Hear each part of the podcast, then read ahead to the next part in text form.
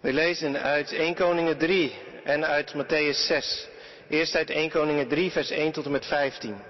Dan gaat het over Salomo. En dan is Salomo net koning geworden. Door de dochter van de farao tot vrouw te nemen, werd Salomo de schoonzoon van de koning van Egypte. Hij liet haar in de Davidsburcht wonen, totdat hij gereed was met de bouw van zijn paleis, de tempel van de Heer en de muur rondom Jeruzalem. Omdat er in die tijd nog geen tempel was gebouwd voor de naam van de Heer, bleef het volk zijn offers brengen op de offerplaatsen. Salomo zelf toonde zijn liefde voor de Heer door te handelen naar wat zijn vader David hem had voorgehouden. Maar ook hij bracht zijn offers en brandde wierook op de offerplaatsen. Zo ging de koning op een keer naar Gibeon, de belangrijkste offerhoogte van het land, om er te offeren. Wel duizend dieren droeg hij daar op het altaar als brandoffer op. Die nacht verscheen de Heer hem daar in een droom. Vraag wat je wilt, zei God, ik zal het je geven. Salomo antwoordde, U bent uw dienaar, mijn vader David, altijd goedgezind geweest, omdat hij u trouw toegewijd was en steeds eerlijk en oprecht was tegenover u. U hebt hem een grote gunst bewezen door hem een zoon te geven die nu op zijn troon zit. U, Heer, mijn God, hebt mij als opvolger van mijn vader David als koning aangesteld. Maar ik ben nog zo jong en ik heb geen ervaring. Ik sta nu voor de taak uw uitverkoren volk te leiden. Een volk zo talrijk dat het niet te tellen is. Schenk uw dienaar een opmerkzaam hart, zodat ik uw volk kan besturen en onderscheid kan maken tussen goed en kwaad. Want hoe zou ik anders recht kunnen spreken over dit immense volk van u? Het beviel de Heer dat Salomo juist hierom vroeg. En hij zei tegen hem, omdat je hierom gevraagd hebt, niet om een lang leven of grote rijkdom of de dood van je vijanden, maar om het vermogen om te luisteren en te onderscheiden tussen recht en onrecht, zal ik je wens vervullen. Ik zal je zoveel wijsheid en onderscheidingsvermogen geven dat je iedereen voor jou en na jou overtreft. Ook waar je niet om gevraagd hebt, zal ik je geven. Zoveel rijkdom en roem dat geen enkele andere koning je tijdens je leven zal evenaren. En als je mij gehoorzaamt en je houdt aan mijn bepalingen en geboden, zoals je vader David dat deed, zal ik je een lang leven schenken. Toen Salomo wakker werd, besefte hij dat hij een droom had gehad. Bij zijn terugkomst in Jeruzalem ging hij naar de ark van het verbond met de Heer, waar hij brandoffers en vredeoffers bracht. Hij nodigde al zijn hovelingen voor het feestmaal uit. Tot zover de eerste schriftlezing. We lezen daarbij uit het Evangelie naar Matthäus, hoofdstuk 6, vers 27 tot 33. Daar zegt Jezus het volgende. Wie van jullie kan door zich zorgen te maken ook maar één L aan zijn levensduur toevoegen? En wat maken jullie je zorgen over kleding? Kijk eens naar de lelies, kijk hoe ze groeien in het veld. Ze werken niet en weven niet. Ik zeg jullie, zelfs Salomo ging in al zijn luister niet gekleed als een van hen. Als God het groen dat vandaag nog op het veld staat en morgen in de oven gegooid wordt, al met zoveel zorg kleedt, met hoeveel meer zorg, zal Hij jullie dan niet kleden, kleingelovigen? Vraag je dus niet bezorgd af, wat zullen we eten, of wat zullen we drinken, of waarmee zullen we ons kleden? Dat zijn allemaal dingen die de heidenen najagen. Jullie hemelse Vader weet al dat jullie dat alles nodig hebben. Zoek liever eerst het koninkrijk van God en zijn gerechtigheid. Dan zul je al die andere dingen erbij gegeven worden. Tot zover de schriftlezingen van vandaag. Zalig zijn we als we het woord van God horen en in ons hart bewaren. Amen. In Wallingsveen heb ik een kleine serie over dromen in de Bijbel. En daarover heb ik er vanmiddag eentje meegenomen. De tekst voor de verkondiging is 1 Koningen 3, vers 5. Daar staat, in Gibeon verscheen de Heere s'nachts aan Salomo in een droom. En God zei, vraag wat ik u geven zal. Gemeente van Christus, vraag wat je maar wilt en ik zal het je geven. Tja, als je dat hoort, dat moet wel een droom zijn, hè? Zo gaat het in het echte leven niet. In het echte leven moet je voor dingen werken. Je moet ze verdienen. In het echte leven gebeurt het niet dat iemand zegt, vraag wat je maar hebben wilt en ik zal het je geven. En zie, het was een droom. Zo eindigt onze geschiedenis dan ook. Toen, toen werd Salomo wakker en zie, het was een droom. Ik weet niet of je deze geschiedenis herinnert nog van de kinderbijbel of misschien van later gewoon van het Bijbel lezen. Maar bij mij was het zo gegaan dat ik eigenlijk vergeten was dat het in een droom gebeurde allemaal. Ik dacht het was toch eigenlijk gewoon een gebed of zo dat Salomo zelf had gedacht. Ik ben nu koning en laat ik om een wijs hart bidden. Maar zo was het dus niet. Het was allemaal een droom. Stel nou dat Salomo net zoals wij over dromen had gedacht, namelijk wat de meeste mensen van dromen denken, ehm, dat ze niet veel meer zijn dan de verwerking van de prikkels van overdag. Um, dan was dit dus het einde geweest. Toen werd Salomo wakker en zie, het was maar een droom. Dan heeft hij dus in het echt niks gevraagd. En dan heeft hij in het echt ook niks van God gekregen. Ik bedoel, ja, iedereen kan wel dromen dat hij een wijs hart krijgt, maar grote kans dat je de volgende dag toch weer even dom opstaat. Kun je wel veranderen in een droom? Kun je in een droom iets krijgen wat je voortaan echt met je meeneemt. Velen zijn daar erg sceptisch over geworden. Natuurlijk kan dat niet. Het is tenslotte maar een droom. En waarom zou die iets meer dan een droom zijn als daarin een God aan je verschijnt? Is dat soms een godsbewijs? Natuurlijk niet. God heeft geen lichaam, hij is een, geest. We kunnen hem niet zien in een droom, net zo min als in het echt. Zulke skepsis komt in de Bijbel ook wel voor. Jezus Sirach, een deuterocanoniek boek, maar ook bij de profeten vind je het wel, dat ze juist waarschuwen tegen een vertrouwen op dromen. Maar dat komt dan omdat er mensen zijn die zich op dromen beroepen. Die zeggen, ja, God is aan mij verschenen en heeft gezegd dit en dit. God heeft aan mij verschenen en dan volgt er altijd iets wat hen zelf bijzonder goed uitkomt. En dan zeggen de profeten terecht, moeten we dat dan zomaar geloven?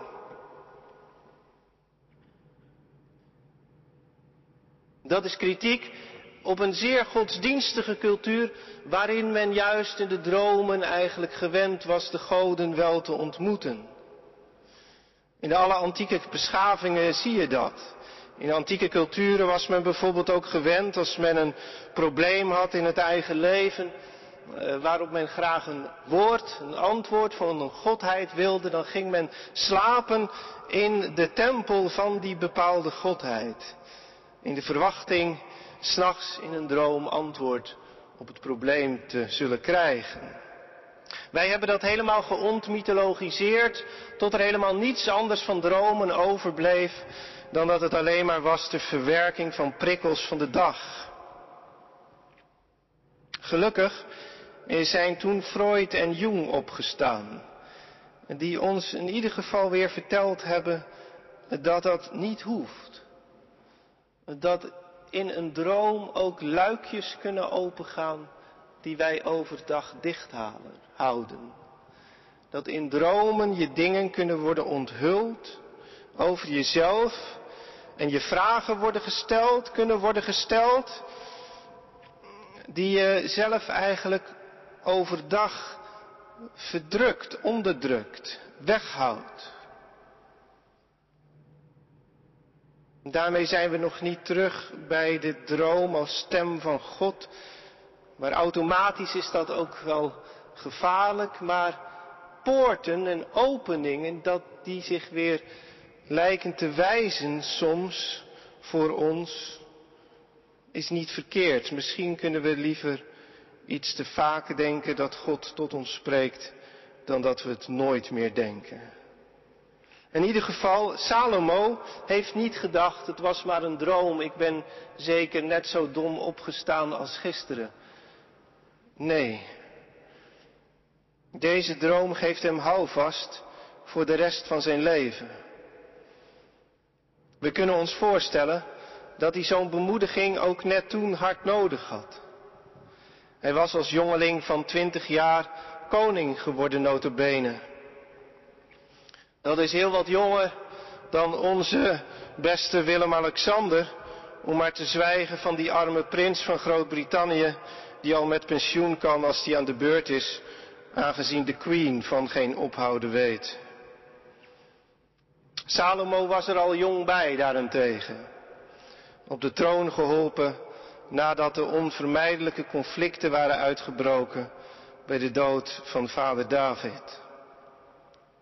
En daar zit hij dan, in zijn hermelijnen mantel, op zijn eerste werkdag. Wat moet hij gaan doen in dat grote rijk, dat groter is dan ooit, machtiger dan ooit. Het heeft uitstraling tot in Egypte, zodat hij daar zelfs een bruid vandaan kan halen. Wonderlijk begint er iets te gloren van het visioen dat God voor heeft. Van de droom van God als het ware. De droom die God heeft met deze wereld. Het rijk van vrede, van shalom. Hij heet niet voor niets Salomo. God, koning van de vrede. Wonderlijk om je voor te stellen dat daar die Egyptische prinses in het koningshuis, in het paleis van Israël zit, Hebreeuws te studeren. Be, be, be, bereshit bara Elohim. En juist zegt Salomo, in het begin schiep God de hemel en de aarde. Egypte, waar het volk Israël in verdrukking was geweest, in onderdrukking, in slavernij, verzoent zich met Israël. Het rijk van vrede dient zich aan. Maar ga er maar aan staan om dat te regeren. Na zijn huwelijk denkt Salomo dus eerst aan een offer. Een fix offer, zoals het een koning betaamt op de hoogte van Gibeon. En dan blijft hij daar slapen. Dat suggereert de tekst tenminste. Zoals toen in alle antieke culturen dus gebruikelijk was om te gaan slapen op een heilige plek in de hoop op een droom. Maar de Bijbel legt niet de nadruk op dat zoeken van Salomo. De Bijbel legt de nadruk op het komen van God. De Heer verschijnt en vraagt, wat wil je hebben, Salomo? Stel je voor. In sprookjes komt het wel eens voor dat je iets mag wensen. Maar ja, dat zijn dan ook sprookjes. Stel je voor, je mag één ding vragen aan God. Zou je zo'n droom ook willen hebben? Misschien is je eerste antwoord ja, graag. Natuurlijk. God die aan je verschijnt. Dat moet geweldig indrukwekkend zijn. Daar kun je jaloers op worden. Het zou voor mij misschien een bewijs zijn dat God er echt is. Nou ja, is dat zo? Hoe zou je echt weten dan dat het God is? Moet je die, dat niet altijd nog zelf beslissen en beantwoorden? De heidenen wisten heel goed wanneer welke God aan hen verscheen, want de een had grote oren, de ander had kleine oren, de een had een baard, de ander had een snor. Ze wisten allemaal precies hoe die goden eruit zagen, want ze hadden allemaal beelden van al die goden. En dus wisten ze precies wie er verscheen in hun droom. Hoe zit dat eigenlijk met onze God? We kunnen onze dromen toch net zo goed deconstrueren als al onze ervaringen. Zou het niet vooral verwarrend zijn? Maar nog erger, zou de vraag niet vooral verwarrend zijn? Wat wil je hebben, Salomo? Vraag het. Ik zal het je geven.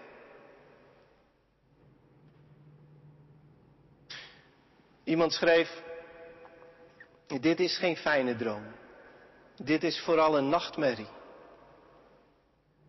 En ik geloof dat diegene gelijk heeft.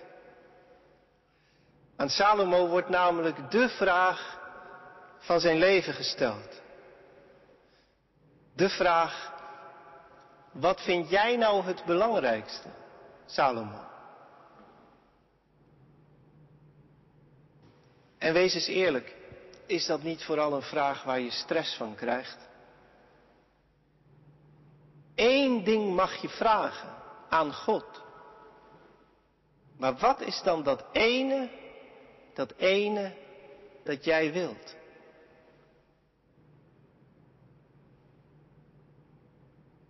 Een andere keer in het Nieuwe Testament is het niet een Salomo, maar een Salome die die vraag krijgt.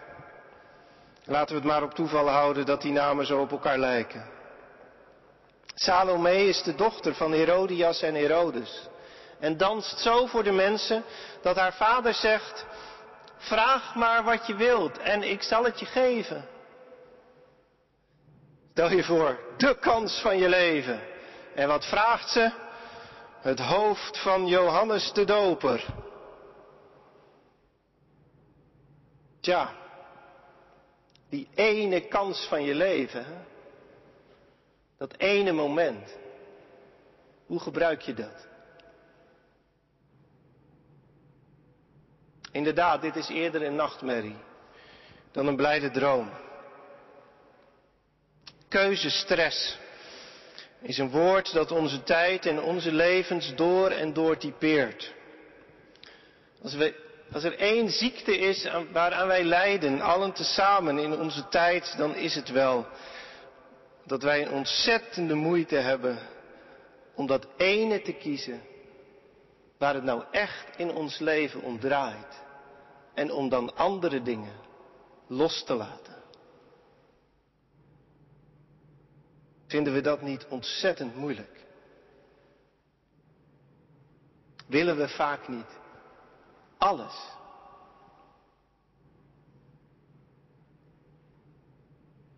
Als God echter in je leven komt, voor het eerst of opnieuw, dan zegt hij, dat kan niet. Dat kan niet. Alles. Je moet weten wat je wilt. Wat je echt wilt. Wat wil jij nu echt? Onvoorstelbaar hè, dat God dat vraagt. Vraag wat je wilt en je zult het krijgen. Wat loopt God een risico daarmee?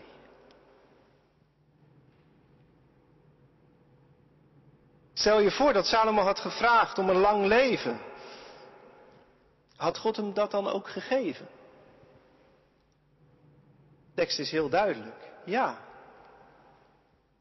Salomo mag het ene zeggen en dat ene zal hij krijgen.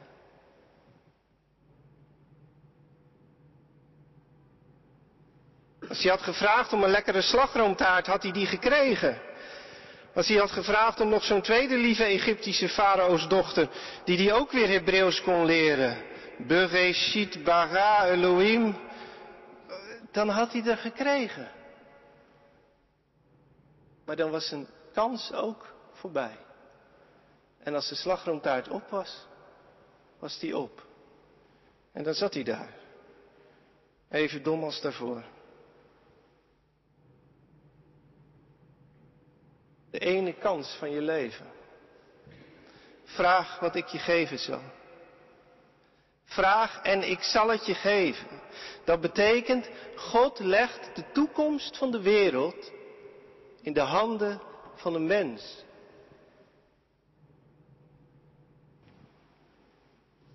Wat een vertrouwen? Wat een enorm vertrouwen heeft God van zijn kant in het verbond. Wat een wederkerigheid verlangt hij in dat verbond.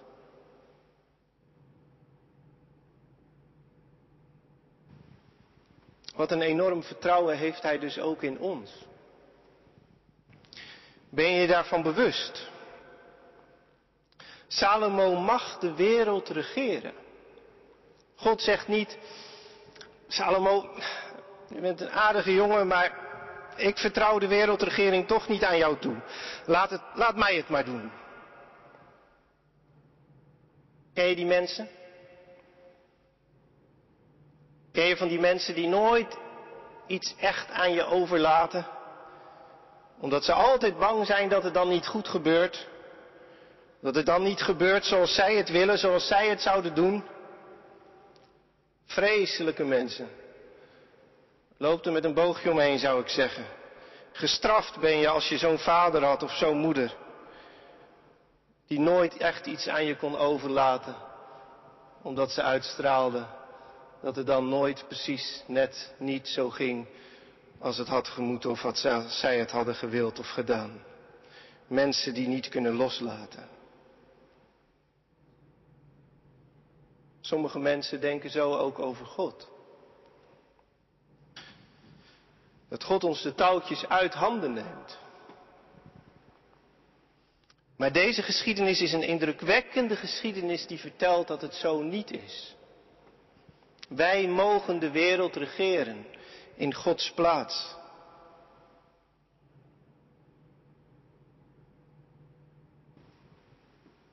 De wereld ziet er dus uit zoals wij willen dat die eruit ziet. En daarom kunnen wij niet zeggen God dit, God dat. Als het oorlog is in de wereld, is het oorlog omdat God aan ons gevraagd heeft. Wat willen jullie? We krijgen altijd wat we willen. Vraag wat je maar wilt en ik zal het je geven.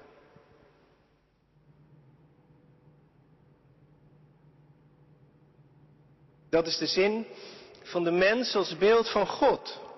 Dat idee dat de mens beeld van God is, dat kenden ze ook in de omweld van Israël wel. Maar daar hadden ze het idee, één mens is het beeld van God. En dat is de koning. Gewone mensen niet. De koning vertegenwoordigt God op aarde. Is plaatsvervangend voor God. Plaatsvervangend voor God regeert de koning de wereld. Genesis eh, radicaliseert, democratiseert dat idee op een radicale manier en zegt, de mens, de mens als zodanig is beeld van God. En dat betekent inderdaad ook zoals een godenbeeld de God vertegenwoordigt en vervangt in zijn aanwezigheid. Zo vertegenwoordigt en vervangt God de mens, God op aarde.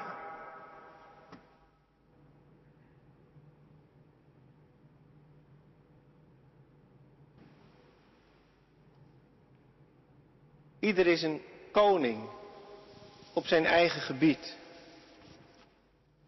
En krijgt op die plek de vraag, hoe wil je het? Dan zul je het krijgen.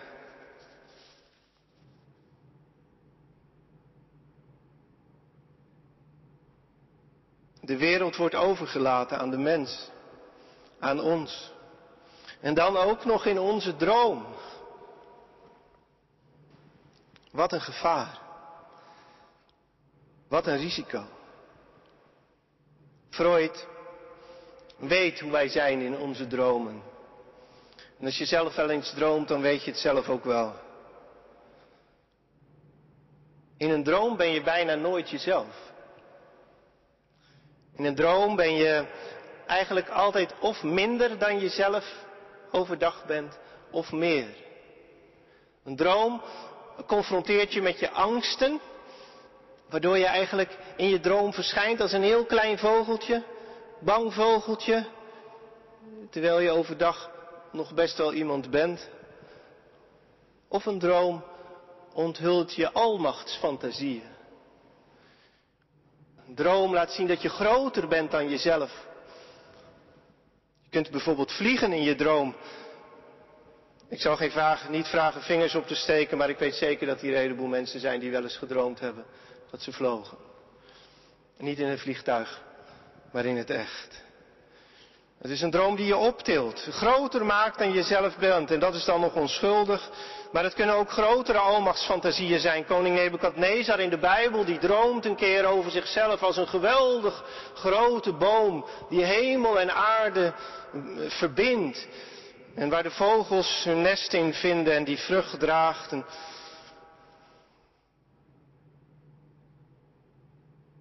In een droom zijn we bijna nooit onszelf. Daarom is deze droom van Salomo zo bijzonder.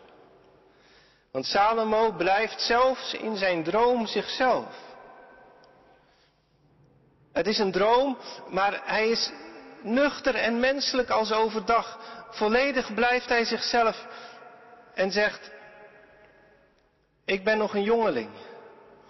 Ik weet niet uit of in te gaan. Ik ben een koning, ik ben een zoon van een koning, ik ben me daarvan bewust. Maar ik weet ook wat ik allemaal nog niet kan.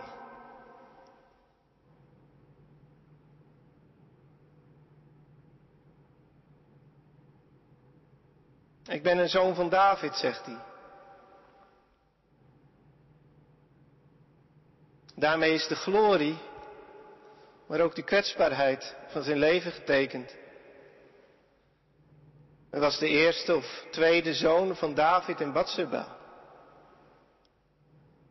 Een kind geboren uit een omstreden huwelijk waar profeet Nathan het zijne van gezegd had. Vanaf zijn verwekking en geboorte, verwikkeld in intriges en bedrog. Een kind met een onvoorstelbare belasting. Je zou maar zo'n kind zijn. Hoe ontwikkel je dan een gezond beeld van jezelf? Hoe blijf je dan gezond?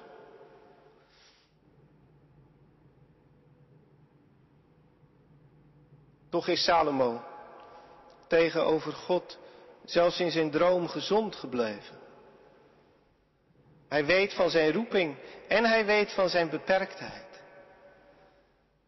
En hij vraagt om een opmerkzaam hart.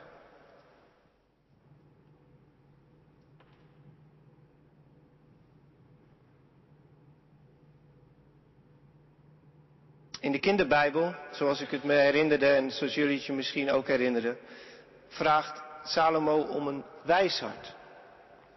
En dat wijs, dat associëren we dan met vol. Een wijs iemand is iemand met een vol hoofd. Die weet veel. Zo Salomo soms ook de geschiedenis ingegaan als we hem dan verbinden met andere Bijbelboeken, spreuken en zo die hij ook geschreven zou hebben. Vol wijsheid. Jongen, wat zat er veel wijsheid in dat hoofd. Maar een opmerkzaam hart, dat legt er eigenlijk veel meer de nadruk op. Op leegheid. Een opmerkzaam hart is niet een vol hart dat zich dat zijn eigen wijsheid weet op te leggen aan de wereld, maar is een, is een hart dat kan opmerken, kan luisteren.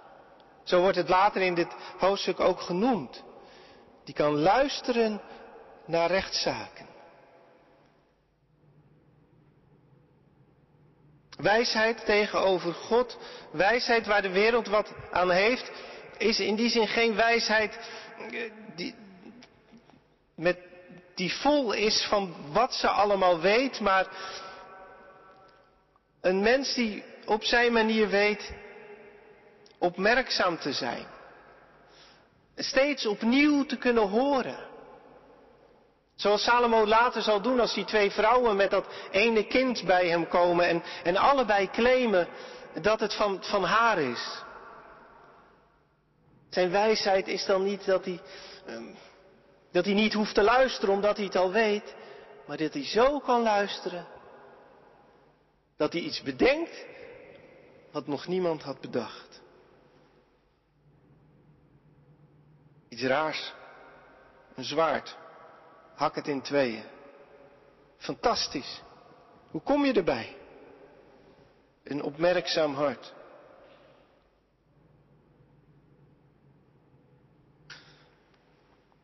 Tom Naastebad die schreef in zijn commentaren hierbij ironisch. Salomo vraagt eigenlijk om een boekenbon.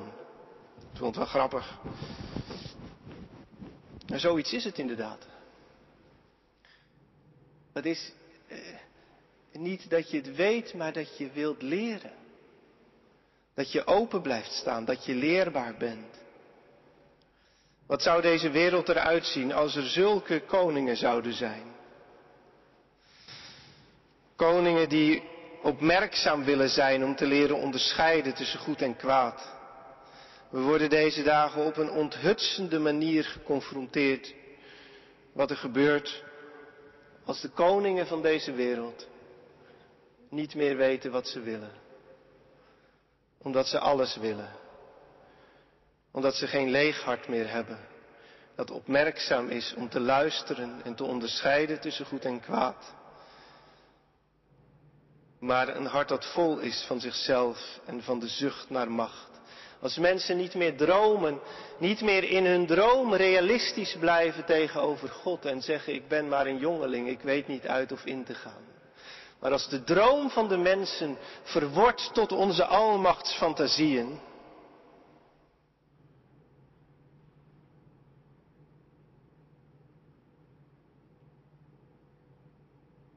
Vraag wat je maar wilt en ik zal het je geven.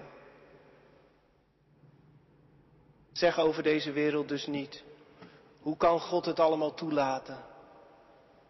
Waar is God?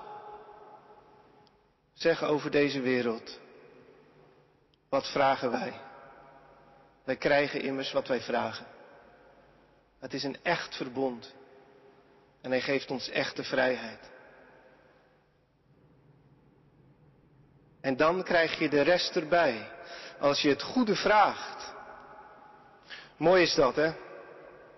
Ook datgene waar anders je hart naar uit zou gaan. Welvaart, een lang leven, rust van je vijanden. Salomo krijgt het er allemaal bij.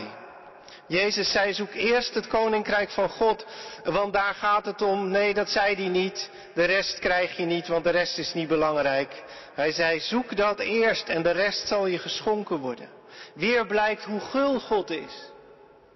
Maar ook wat het belang is van de prioriteiten. Van de orde. Het raakte me wel dat er dan ook staat, omdat je niet gevraagd hebt, Salomo, om een lang leven, zal ik het je toch geven. Want waar zijn wij de afgelopen twee jaar mee bezig geweest? Met wat anders zijn wij bezig geweest dan met vragen om gezondheid en een lang leven. Maar als wij gezondheid en een lang leven vinden zonder God, is het een vloek en een straf.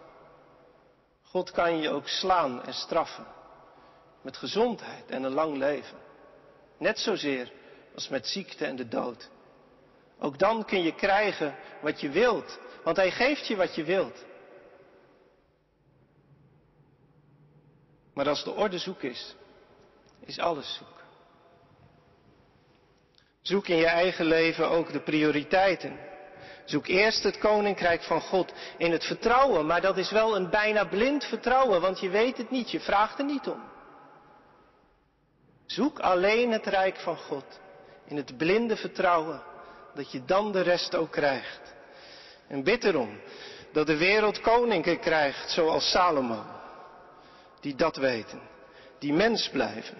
Laat de heidenen weten dat zij mensen zijn. Amen.